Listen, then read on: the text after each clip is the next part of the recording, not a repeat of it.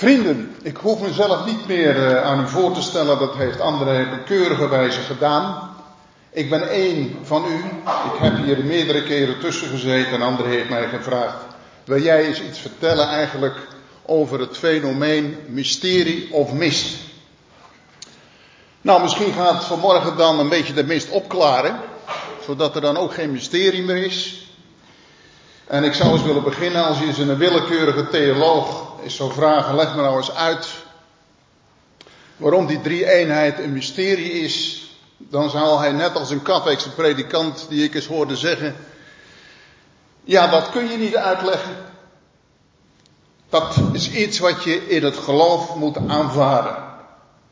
En zondag op zondag worden bij de orthodoxe kringen in de protestantse kerken ook s'avonds de beleidenis van Athanasius voorgelezen. En die zegt, als we de leer van de drie eenheid niet beleiden, dan kunnen we ook niet zalig worden. Maar wat was nu feitelijk de aanleiding van de invoering van dat dogma? God is een drie-enig God. Nou, dan moeten we behoorlijk en teruggaan in de kerkgeschiedenis. Daar verwierp men eigenlijk het Joodse denken en beleven van de Messiaans beleidende Joden. Want dat paste niet in de belevingswereld van de heidenchristen. En zo ontstond wat men noemt de vervangingstheologie. Maar in het bijzonder moeten we denken voor iedere gelovige Jood die van jongs af aan twee keer op een dag moest reciteren het Shema. Shema Israël, Adonai Elohinu, Adonai Echad. Hoor Israël, de Heere, onze God, de Heere is één. En dan citeer ik even verder uit Deuteronomium 6, vanaf het vierde vers. Gij zult de Heer uw God lief hebben, met geheel uw hart, met geheel uw ziel en met geheel uw kracht. En wat ik u heden gebied zal u in uw hart zijn. Ge zult het uw kinderen inprenten en erover spreken wanneer gij in uw huis zijt, wanneer gij onderweg zijt, wanneer gij nederligt en wanneer gij opstaat. En gij zult het ook als een teken op uw hand binden en het zal een voorhoofdsband zijn tussen uw ogen. En gij zult het schrijven op de deurposten aan uw huis, aan uw poorten. Nou, bij iedere, bijna iedere Joodse familie hangt daar die mezuzah, dat heb je misschien wel gezien, dat kleine kokertje, daar zit dat perkamentje in waar deze tekst op staat. En dat citaat in dat kokertje is een van de belangrijkste pijlers van de Joodse godsbeleving en staat lijnrecht tegenover het dogma van de drie eenheid. En iedere dag als vader op stap gaat, dan raakt hij even met zijn hand, hij als de beminde van de vaderen, raakt hij dat even aan en dan zegt hij in zijn hart, u bent één, u bent één. En ook de kinderen die de donkere wereld ingaan, raken dat aan. Het bijzonder is, als je dus die tekst ziet, dat de laatste woord gat, de laatste letter daarvan, is de dalet. En dat noemen ze in het Jodendom de vergisletter. En die werd ook groter geschreven. Waarom? Omdat dat niet te verwarren moest met de letter R, de rees. Want de rees lijkt namelijk heel veel op de dalet. Het is een stokje met een vlaggetje eraan. En daarom maken ze die dalet ook meestal wat dikker. Stel je nou voor dat er zou staan in plaats van een gat, een gar. Dan zou dus in feite het uitkomen op hoor Israël, de Heere onze God is net zoals al die andere goden. Dat zal dus absoluut in het Jodendom niet gebeuren. Ze houden zich vast aan die ene naam. Dan gaan we wat terug in de handelingentijd. De apostelen hebben ook nooit gesproken over een drie-eenheid. Want dat waren rechtgeaarde Joden en ze hielden zich aan de Tenach. Ze uiten hun devotie aan God de Vader en aan Yeshua de Zoon. En zij erkenden de Heilige Geest als de kracht Gods. Dan gaan we eens even terug naar de kerken. Het huidige kerkelijk instituut. Hoe weerlegt nu het kerkelijk instituut de uniciteit van God? Nou, dan heb ik de studiebijbel er eens bij gepakt en ik ben gaan zoeken bij Deuteronomium 6 vers 4 in de volgende versen. En dan blijkt dat telwoord 1, zo zeggen ze, kan dan opgevat worden als enig of uniek.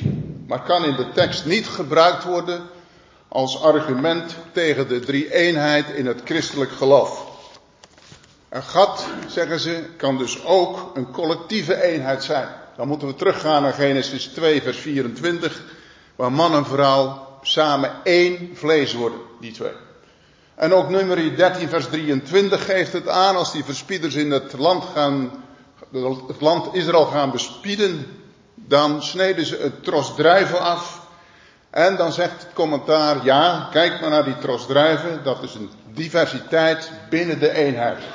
En dan is hun conclusie dan ook, zo hebben christelijke geleerden ruimte gevonden voor een trinitarisch monotheïsme in het christelijk geloof. Hoe sloop het drie-eenheidsdogma dan het christendom binnen? Nou, in de vierde eeuw van onze jaartelling waren er een aantal religies die wedijverden om gunst van het Romeinse volk. En dit waren met name het christendom dat heel sterk opkwam, maar ook de uit Egypte geïmporteerde Osiris, Isis en Horus mythe. En u ziet hier staan aan de linkerzijde Osiris, de god die stierf, zo zegt de mythe, en verrees. En middenin de moeder, de moeder van Horus. En toen keizer Constantijn in de vierde eeuw zich tot het christendom bekeerde, maakte hij het christendom tot een staatsgodsdienst. Waardoor de andere religies werden verdrongen. Diverse elementen uit het heidense religie die in die tijd het Romeinse leven beheerste, werden geruisloos overgenomen door het opkomende Rooms-Katholicisme en ingelijfd in de Roomse leer. Ja, dan komen we uit bij 325. Een bijzonder jaartal.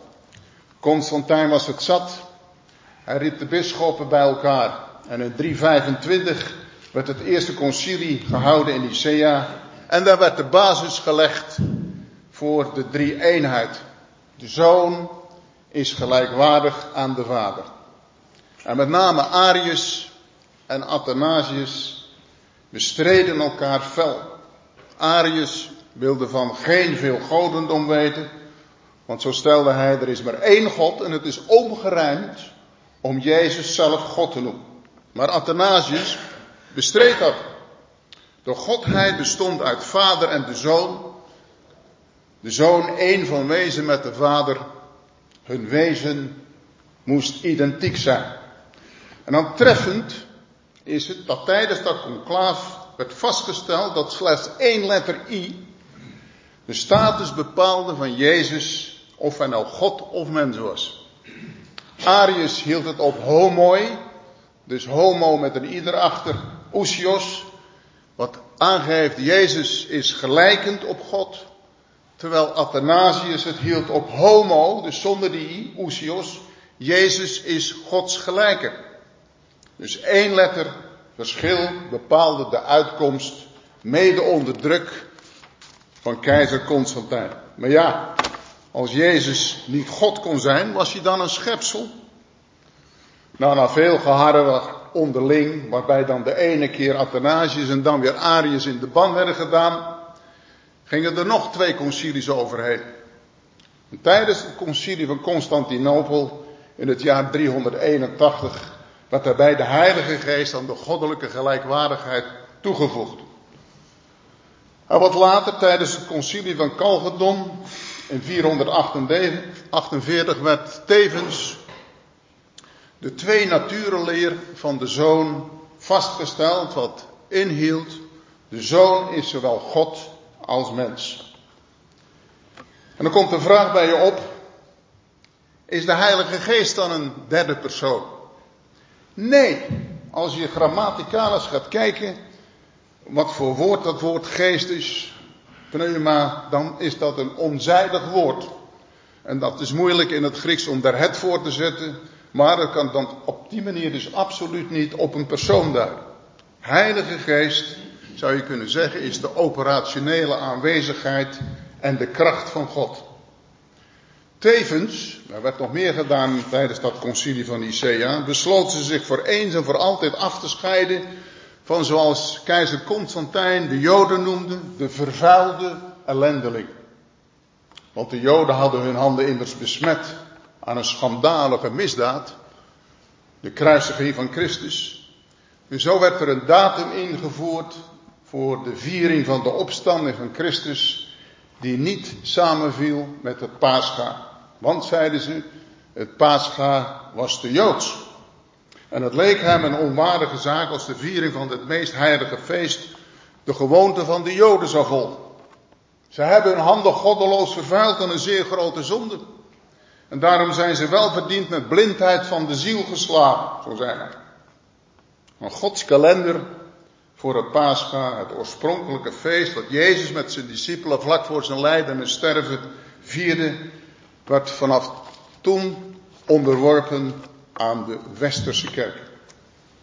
Dus ook geen plaats meer voor Messias beleidende Joden in de kerk. En de bisschoppen, de Joodse bisschoppen, werden ook niet uitgenodigd voor het concilie. Het heidenchristendom werd door toedoen van keizer Constantijn een deel van het Romeinse staatsbestel, wat later de Rooms-Katholieke Kerk is geworden. En zo, vrienden, ontstond de staatskerk. En dat deed me denken aan het moment dat Paulus daar op het strand van Mileten op zijn knieën ligt met zijn broeders. Die waren gekomen uit Efeze. En die zei, er komen grimmige wolven binnen de gemeente die de kudde niet zullen sparen. En uit het midden zouden mannen opstaan die verkeerde dingen zouden spreken om zo discipelen voor zich te winnen. Een wolf in schaapskleren, met aan het hoofd wat zich noemt de Heilige Vader. Terwijl Jezus nog in Matthäus 23, vers 8 tot 10 daar zei tegen zijn discipelen, laat niemand zich vader noemen, want we hebben één vader die in de hemel is. De paus. U ziet hier één. De paus, de pontifax maximus, werd de bruggenbouwer tussen de drie-ene God en de mens. De plaatsbekleder van Christus, zo zou je hem ook kunnen noemen. Maar dat is in 1870 door een Paus Pius IX veranderd in plaatsvervanger, waar hij dan ook nog zei, dan is de paus op dat moment de onfeilbare opperbisschop. De eredienst van de tempel van de Joden werd steeds meer geïmiteerd. Weliswaar met heidense invloeden. En als je die mannen in een conclaaf zou zien, die kardinalen en die bisschoppen, dan hebben ze een mijter op hun hoofd. Waar komt dat eigenlijk vandaan? Heeft u zich dat wel eens afgevraagd? Nou, die mijter, dat is een hoofddeksel die komt uit Babelse tijden. In de tijd van Babel, ver terug, droegen de priesters een mijter op hun hoofd. In die afgodische dienst. En dat was afgeleid, als je die mijter op zijn kant legt, dan lijkt het op een vissenkop. Nou, dat klopte ook. Het had te maken met Oannes God, de god Oannes, en de god Dagon, de visgod. En zo langzamerhand werd het een schijnchristendom die meer en meer een eigen leven ging leiden, zonder rekening te houden met Joodse wortelen. Terwijl Paulus in de Romeinenbrief nog zo had gewaarschuwd. Wees niet hoogmoedig, maar heb ontzag voor God. Maar dat werd door de christenen uit de heidenen in de wind geslagen, waardoor de haat tegen het Jodendom verder uitbrak. En de latere zo volprezen kerkvader, u ziet hem hier op een afbeelding, Augustinus, die leden van 354 tot 430, heeft die valse leer van de drie eenheid nog verder mystiek verdiept in zijn grote werk, de Trinitate Deum. En hij was het ook, die een uitspraak durfde te doen over de Joden en ongelovigen die er niet omloog. Want wat zei hij in het Latijns? Conspersus damata massa perditionis. Een verdomde verzameling en het is een verloren massa. En vooral zijn werk, de confessiones, de beleidenissen, zijn doorspekt met Grieks heidense geloofsgedachten, overgenomen vanuit het vroege christendom. En vermeldenswaardig is dan ook dat tijdens zijn leven het concilie gehouden werd in Laodicea, waar ze de doodstraf invoeren voor christenen die de Shabbat vieren. Maar nu komen we bij een heel belangrijk punt.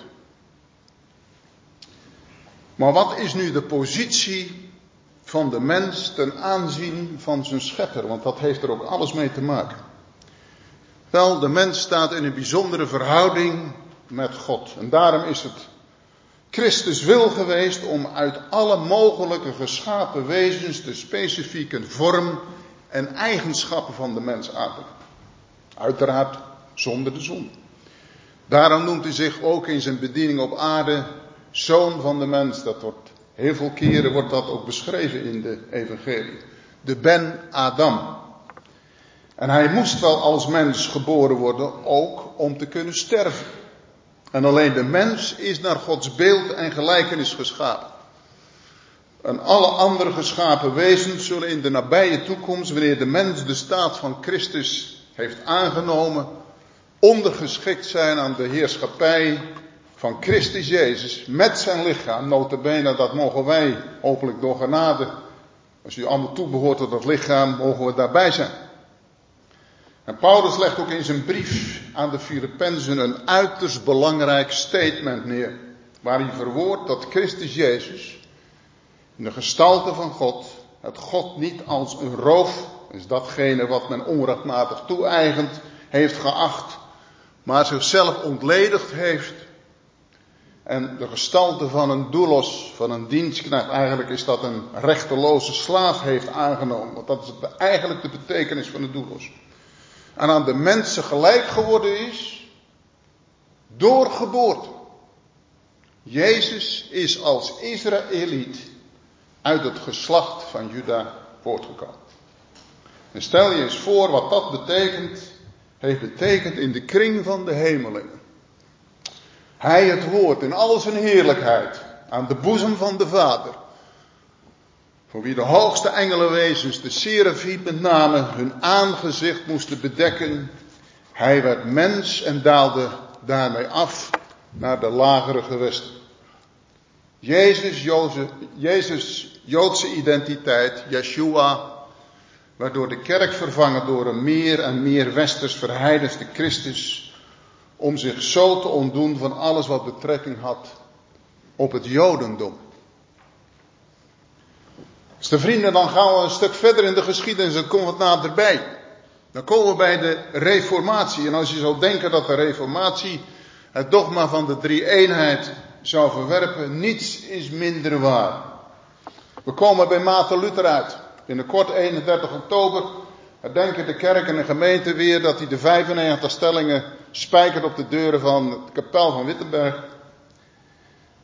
En Luther die bekend staat als een felle jodenhater, heeft de Joodse, onjoodse, sorry, de onjoodse drie-eenheidsleer zonder meer overgenomen van de Rooms-Katholieke traditie. En u weet wel, traditie is pas waardevol als het ook geloofwaardig is. Waardig zou je kunnen zeggen ten aanzien van het geloof dat de schrift ons leert. De navelstreng die Luther verbond met de kerk van Rome is daarmee ook nooit doorgesneden. Wat later komt Calvijn op het toneel. Calvijn, de in de kerkelijke kring de grote reformator genoemd, hing het leerstuk van de drie eenheden aan. En hij heeft dat ook uitgebreid behandeld in zijn grote werk en bekende werk, de institutie. En in zijn leven komt daar een zwarte bladzij. En we zien hem hier.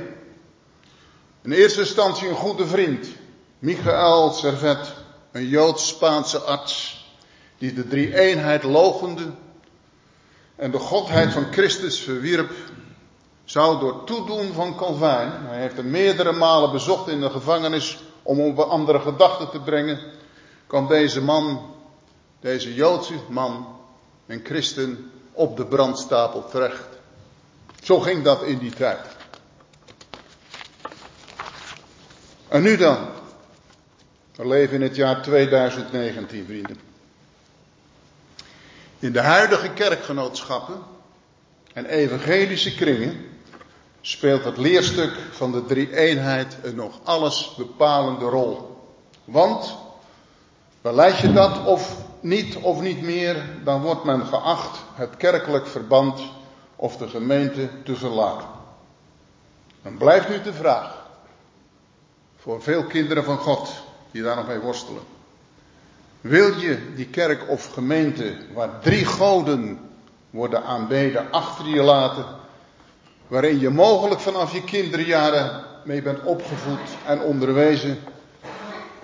Nou, dat kan een worsteling zijn, want ik ken ze die nog steeds, die weten inderdaad dat God geen drie-ene God is. En dat dat niet God de Zoon is, maar Zoon van God. Die zeggen, ja, nou moet ik het kerkverband verlaten. Maar al mijn kennissen, mijn vrienden zitten in die gemeente. Hoe moeilijk is dat?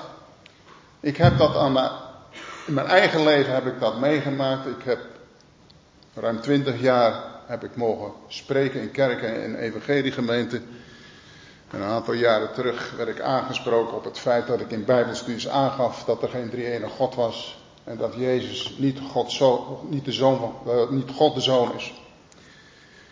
En dat gaf een probleem, want dan kreeg je ouderlingen en diaken op bezoek. En uiteindelijk kwamen we er verder niet uit. En we hebben besloten, mijn vrouw en ik, dat ik daar niet meer kon voorgaan. Geen bijbelstudies meer kon geven. En ja, nu ben ik tussen jullie gekomen. En ik moet zeggen, ik heb het geweldig naar mijn zin. En ik mis het niet.